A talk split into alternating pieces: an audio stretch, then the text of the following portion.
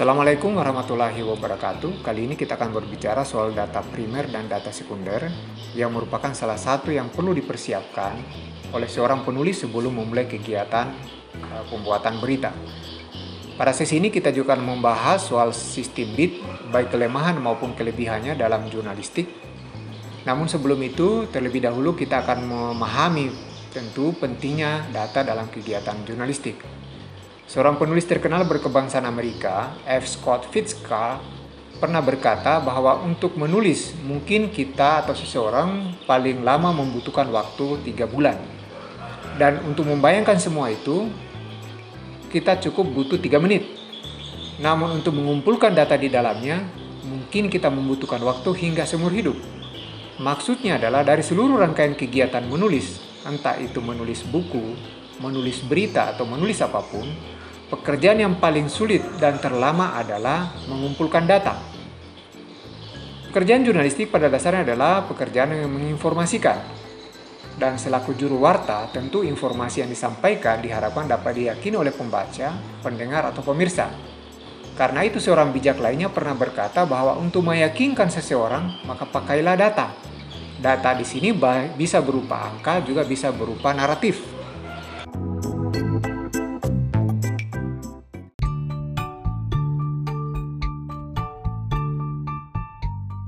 Jika dicermati di era yang mendewakan kecepatan dewasa ini, seorang pewarta atau penulis tidak cukup lagi hanya sebatas menjadi pemberi informasi. Karena tugas-tugas seperti itu kini telah banyak digantikan oleh citizen jurnalis atau jurnalisme warga yang banyak bertebaran atau kita dapatkan di media sosial.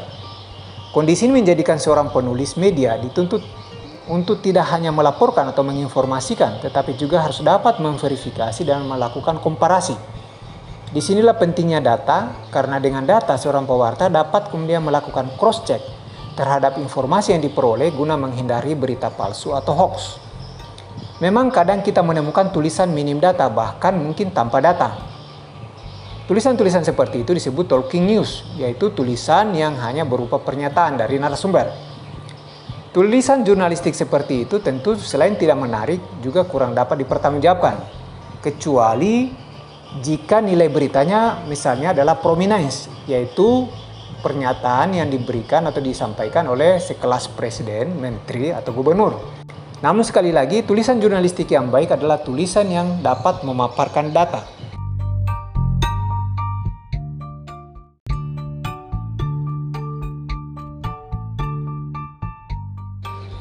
Data dapat membentuk sebuah dan menunjukkan cerita dari tulisan yang ada, serta menjadi semacam kamera yang mampu menunjukkan sesuatu lebih nyata. Data juga dapat memperluas wawasan, pandangan, dan perspektif pembaca terhadap informasi yang disajikan. Data dapat membantu menjelaskan lebih rinci dan lebih menarik sebuah tulisan, dan tulisan tersebut yang kaya data tentu tidak lagi menjadi sekadar tulisan biasa Tentu ketika kita mencantumkan sebuah data, kita juga perlu berhati-hati mengenai sumber data. Kita harus dapat memastikan bahwa data tersebut benar valid dan memang dapat dipertanggungjawabkan kebenarannya. Terkait data ini perlu diingat bahwa ada tiga, tiga tipe pembaca ketika berhadapan dengan data. Pembaca tipe pertama adalah pembaca yang hanya sesekali membaca. Pembaca Tipe ini biasanya adalah orang-orang sibuk dan mereka cenderung membaca dengan cepat dan hanya mencari informasi yang dibutuhkan. Mereka akan melihat sebuah data jika itu berupa gambar dibandingkan data yang mendetil seperti angka-angka atau analisis. Tipe kedua ada pembaca adalah pembaca aktif, yaitu pembaca cenderung berdiskusi dan data yang mereka guna, data yang mereka peroleh digunakan untuk memperkaya pengetahuan yang mereka terhadap sesuatu hal. Tipe ketiga adalah pembaca yang memang mencari data atau membutuhkan data guna mengkonfirmasikan pengetahuan yang telah mereka ketahui sebelumnya.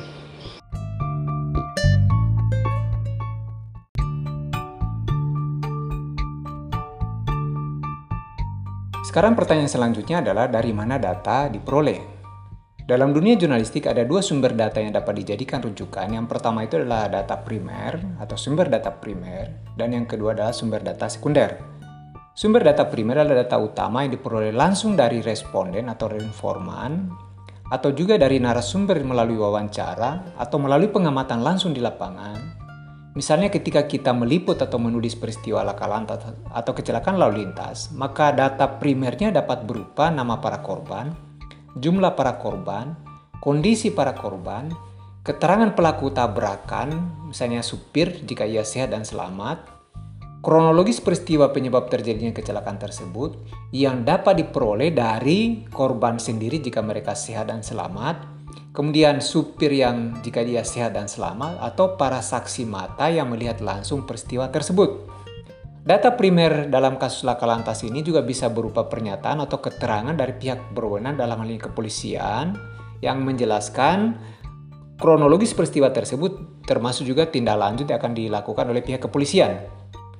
Adapun data sekunder dalam kasus laka lantas dimaksud bisa adalah data bukan tangan pertama tapi data yang diperoleh dari tangan kedua bukan secara langsung dari tangan pertama, namun data ini memiliki kaitan atau hubungan dengan data primer. Misalnya, kita akan memperoleh data terkait dengan kecelakaan tersebut ternyata kondisi jalan di tempat tersebut memang rawan kecelakaan atau sering terjadi kecelakaan di tempat itu. Ini data-data ini bisa diperoleh dari Misalnya dari pemerintah setempat yang memiliki data, misalnya mereka merilis di website, atau juga bisa kita dapatkan melalui internet.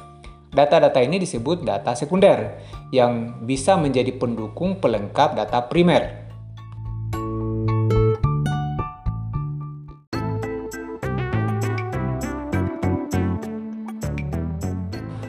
Baik data primer maupun data sekunder, keduanya harus diperhatikan soal kualitas dan kredibilitas informasi yang ada di dalamnya.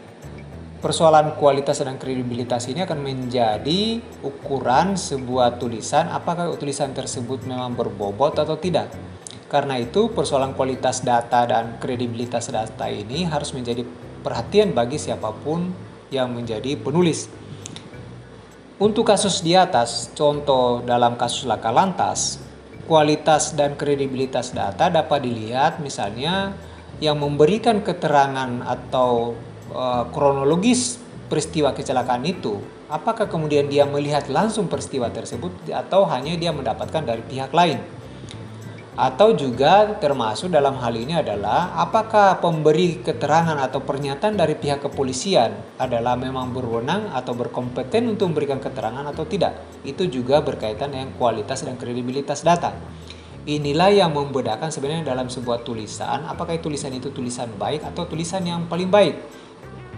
Pada dasarnya adalah perbedaannya terletak pada sumber data atau rujukan yang dipakai oleh seorang reporter dalam menyajikan data-data dalam tulisan yang dibuatnya.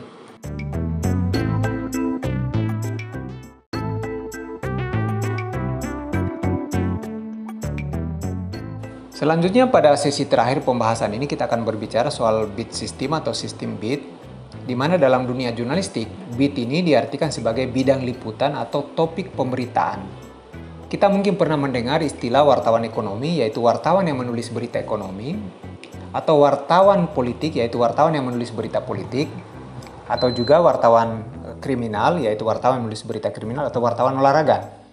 Istilah-istilah tersebut pada dasarnya merujuk pada sistem bit. Apa itu sistem bit? Ini diartikan sebagai area spesifik yang dicakup secara teratur oleh seorang reporter atau seorang wartawan Termasuk dalam hal ini ada bidang kesehatan dan bidang pendidikan. Sistem BIT ini juga dapat berupa cover area atau area liputan seorang wartawan atau tempat mangkal seorang wartawan pada lembaga atau tempat-tempat tertentu yang dipandang sebagai sumber informasi. Misalnya wartawan A, area liputannya adalah kantor bupati atau kantor wali kota. Eh, sementara wartawan B, area liputannya misalnya kantor pengadilan dan kantor kejaksaan atau kepolisian, dan seterusnya.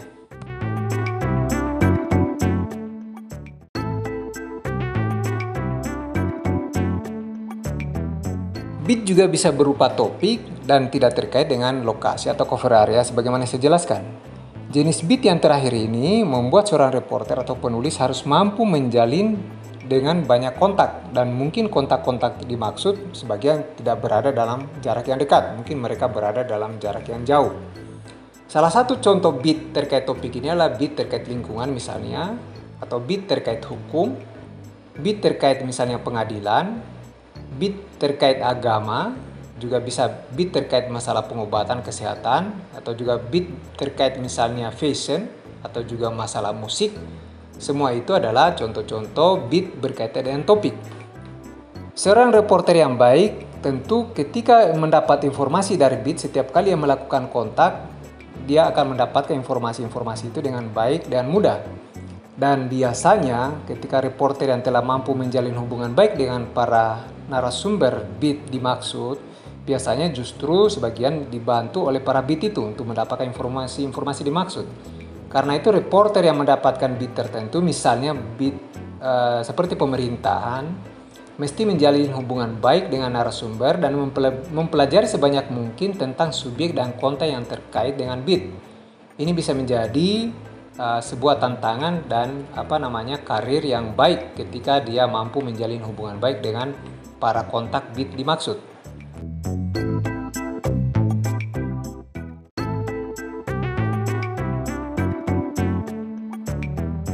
Sistem Newsbeat ini pada akhirnya dari waktu ke waktu melahirkan keahlian khusus bagi seorang wartawan atau seorang reporter dalam melakukan pelaporan tentang masalah, tentang topik atau sektor, tentang organisasi atau lembaga yang menjadi wilayah cakupan kerjanya. Sistem BIT ini menandai awal jurnalisme modern.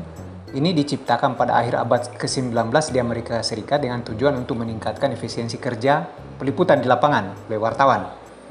Dengan sistem BIT, reporter akan sangat berpengalaman pada beat mereka dan tahu benar di mana dan bagaimana mendapatkan informasi yang mereka butuhkan.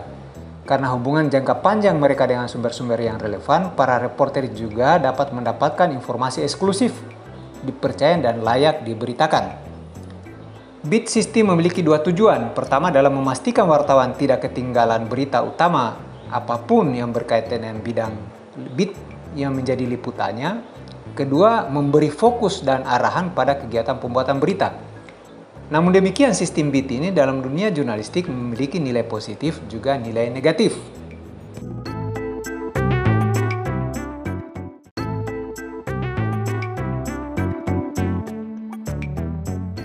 Nilai positifnya adalah seorang wartawan atau beat reporter tidak harus meliput banyak berita, tapi cukup terkonsentrasi, fokus pada bidang atau pos liputannya. Wartawan olahraga misalnya tidak perlu repot berpikir bagaimana meliput berita pembunuhan, karena persoalan seperti itu sudah ada yang bertanggung jawab, yaitu wartawan kriminal yang posting di kepolisian. Dengan kata lain, sistem BIT ini akan memudahkan kerja wartawan dan wartawan akan lebih fokus pada bidang liputannya. Tentu semakin terkonsentrasi dalam bidang liputan, semakin mudah bagi wartawan tersebut melaksanakan pekerjaannya atau kegiatan liputan. Namun sistem news beat ini juga memberikan pengaruh negatif kepada wartawan. Salah satunya adalah kreativitas wartawan menjadi berkurang dan kurang berkembang. Eh, sistem beat juga membuat daya kritis wartawan menjadi hilang secara perlahan. Padahal daya kritis ini juga daya skeptis itu sangat diperlukan dan merupakan modal kuat dalam bertugas bagi seorang wartawan.